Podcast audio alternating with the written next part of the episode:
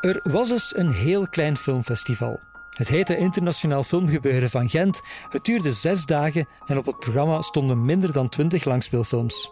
Maar dat kleine filmgebeuren groeide sindsdien uit tot het grootste filmfestival van België. En dat festival viert dit jaar zijn 50ste verjaardag. In de podcast Sunset Confessions duik ik, Ben van Alboom, in de analen van Filmfest Gent met Stijn Konings, Felix van Groeningen, Lucas Dont, Caroline Strubbe, Nathalie Broods, Nick Balthazar, Paya Germonpré, Jacques Dubrul en nog zoveel anderen. Van de pioniersjaren over de focus op muziek naar de nationale en internationale sterren die in al die jaren over de rode loper liepen. Brad Pitt, Juliette Binoche, Michael Haneke, ze zitten er allemaal in of toch bijna. Sunset Confessions, een podcast van Filmfest Gent in samenwerking met De Morgen, is vanaf midden augustus overal te beluisteren.